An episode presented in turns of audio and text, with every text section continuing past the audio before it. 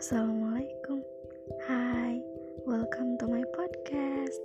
Di sini tidak akan ada informasi ataupun pengetahuan yang akan kamu dengarkan karena ini hanyalah tempat bagi aku dan aku yang lain di luar sana yang mendengarkan aku karena juga merasakan hal yang sama ataupun kamu yang mendengarkan aku karena mengerti apa yang aku rasakan.